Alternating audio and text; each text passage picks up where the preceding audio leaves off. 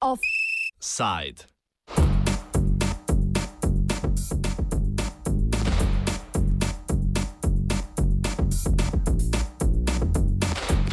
Zahodni Balkan, dežele pushbackov.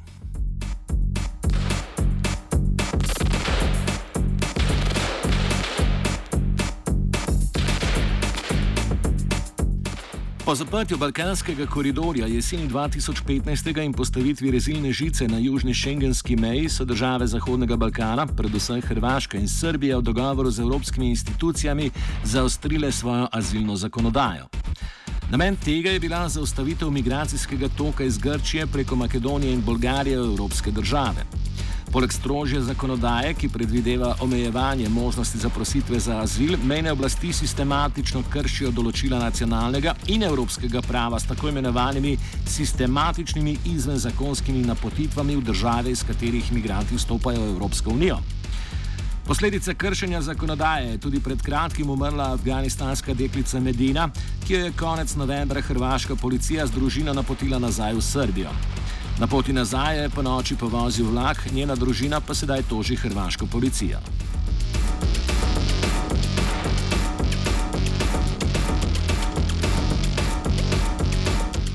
Včeraj smo obširno poročali o situaciji imigrantov v obmejnem srpskem mestu Šit, ki na Hrvaškem neuspešno zaprošajo za azil, saj jih tamkajšnje oblasti verižno zavračajo.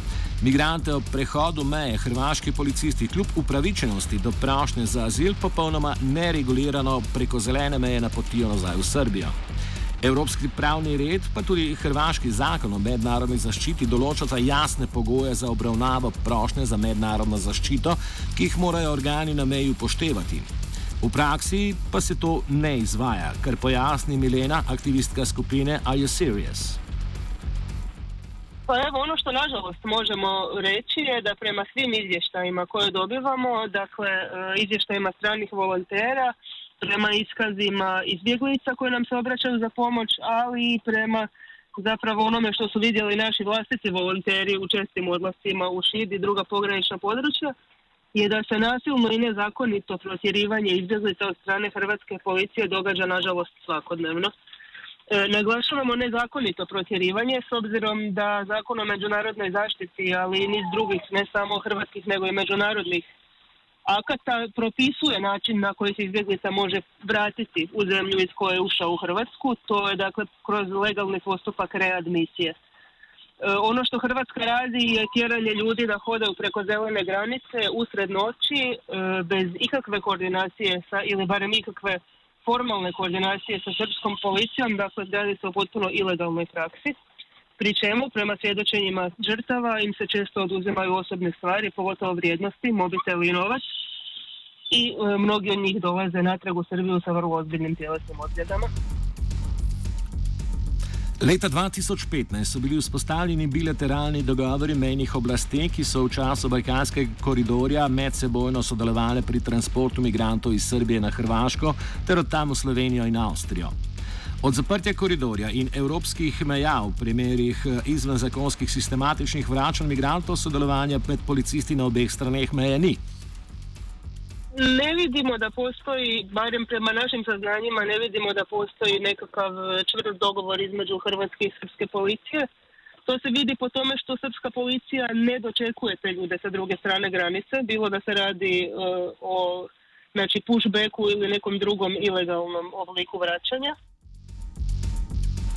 Izvenzakonsko sistematično vračanje imigrantov, tako imenovani pushbacki, so ilegalni.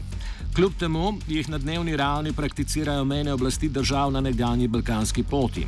Hrvaška policija tako, pra, tako prakso imenuje odvračanje, kot pojasnjuje Lea Horvat iz Hrvaškega centra za mirovne studije. pushbackovi su ilegalni i krše kako ljudska prava izbjeglica, kako međunarodno, tako i nacionalno pravo Hrvatske, a i u principu mislim većine članica Europske unije ako izuzmemo Mađarsku koja je pushbackove u, u nekoj formi i legalizirala. Ovaj ono šta, na šta se hrvatska policija poziva kada vraća ljude, govori u principu o odvraćanju te se poziva na ovaj zakonik, šengenski zakonik i govori o odvraćanju što u principu oni tumače kao slučaj gdje policajci svojim prisustvom na granici daju do znanja gdje se nalazi granica i e, u principu tu se radi o nekakvom tumačenju Europske unije da osobe kojima zaštita nije potrebna će u tim situacijama e, odustati od prelaska. Problem sistematičnih pushbackov je v tem, da vzpostavljajo situacijo, v kateri policija migrantom, ki jih ob prehodu meje zaustavi, onemogoči vložitev prošnje za mednarodno zaščito. To dejansko pomeni ukinitev možnosti za azil.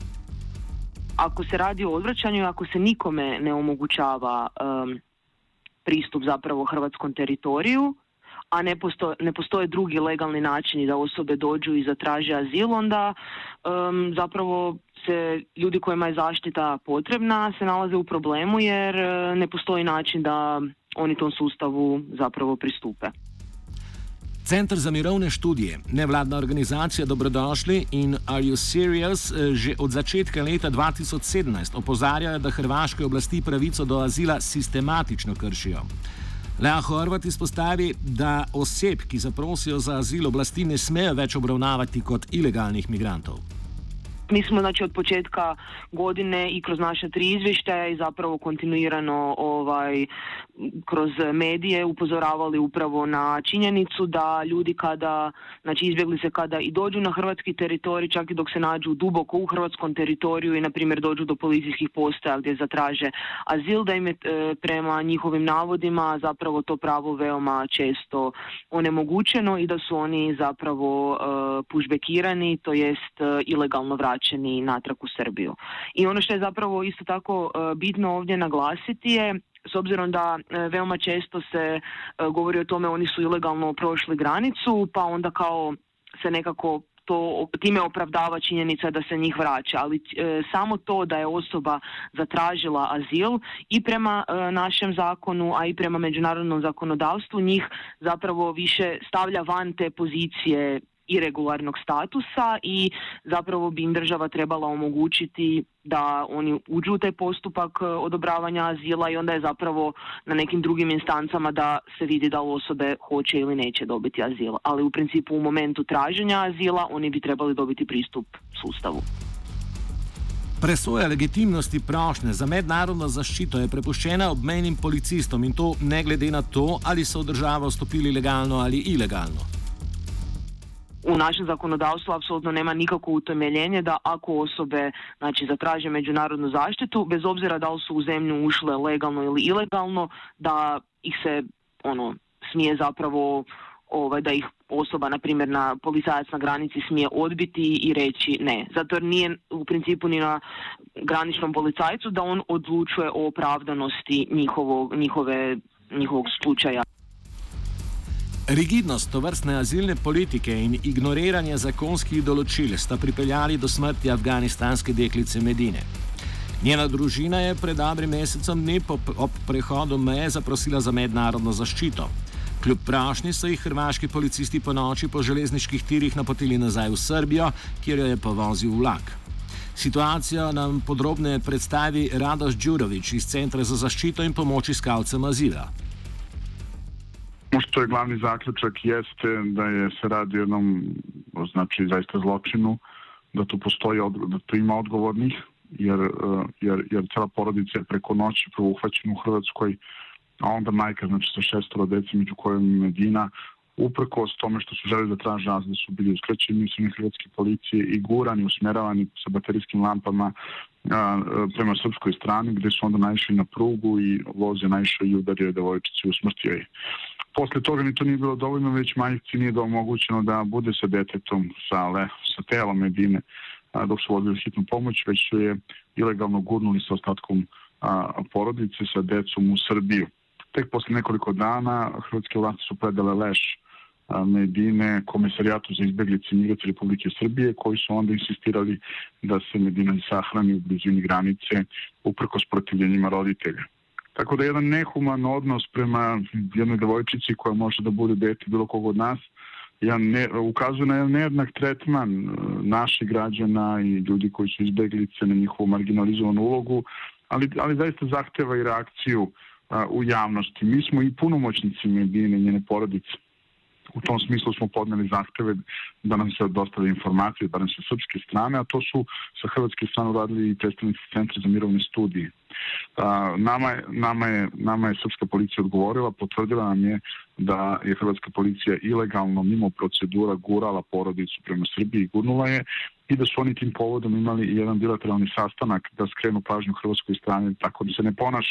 Pored toga su potvrdili da je razdvojena telo devojčice od majke te noći dok su je deportovali u Srbiji. Družina umrle deklice se je odločila, da na Hrvaškem uloži kazansko ovadbo proti neznanemu storilcu zaradi povzročitve smrti. Odziv Hrvaškega ministrstva za notranje zadeve in nadaljni postopek kazanske ovadbe pojasnjuje odvetnica družine Sanja Bezbradica Jelavić. Uh, ono što je uh, činjenica je da se ovaj uh, smrt male šestogodišnjakinje desila kao posljedica protuzakonitog postupanja na hrvatsko-srpskoj granici.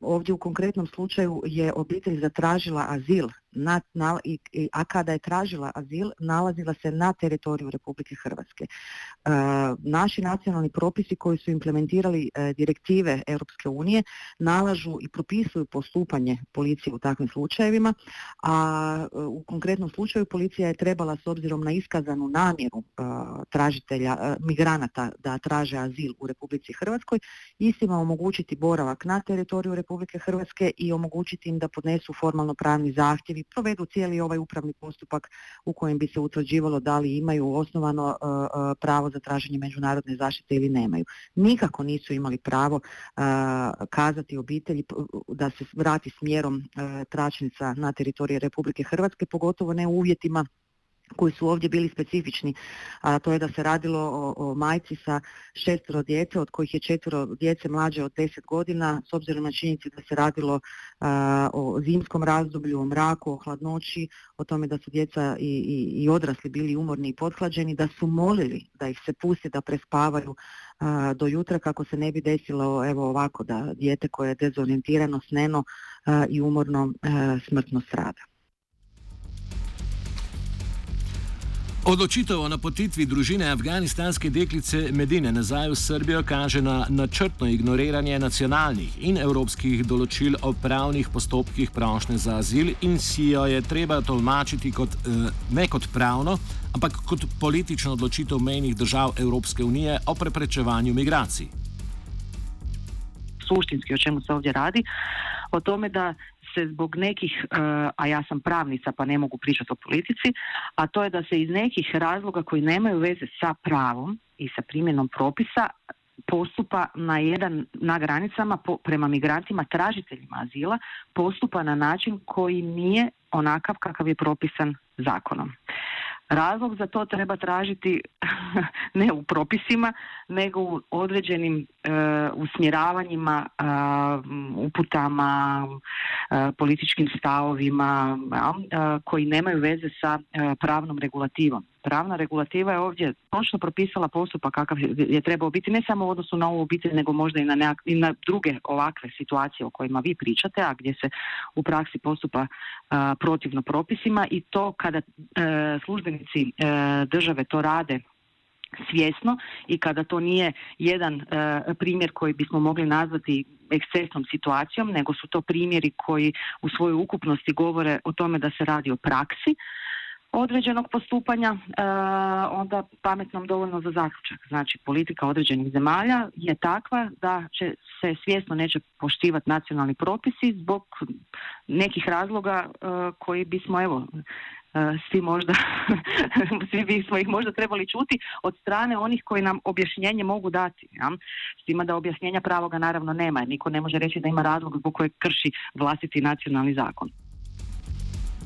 Podobna situacija je tudi v Srbiji, kjer država načrtno ignorira azilno zakonodajo.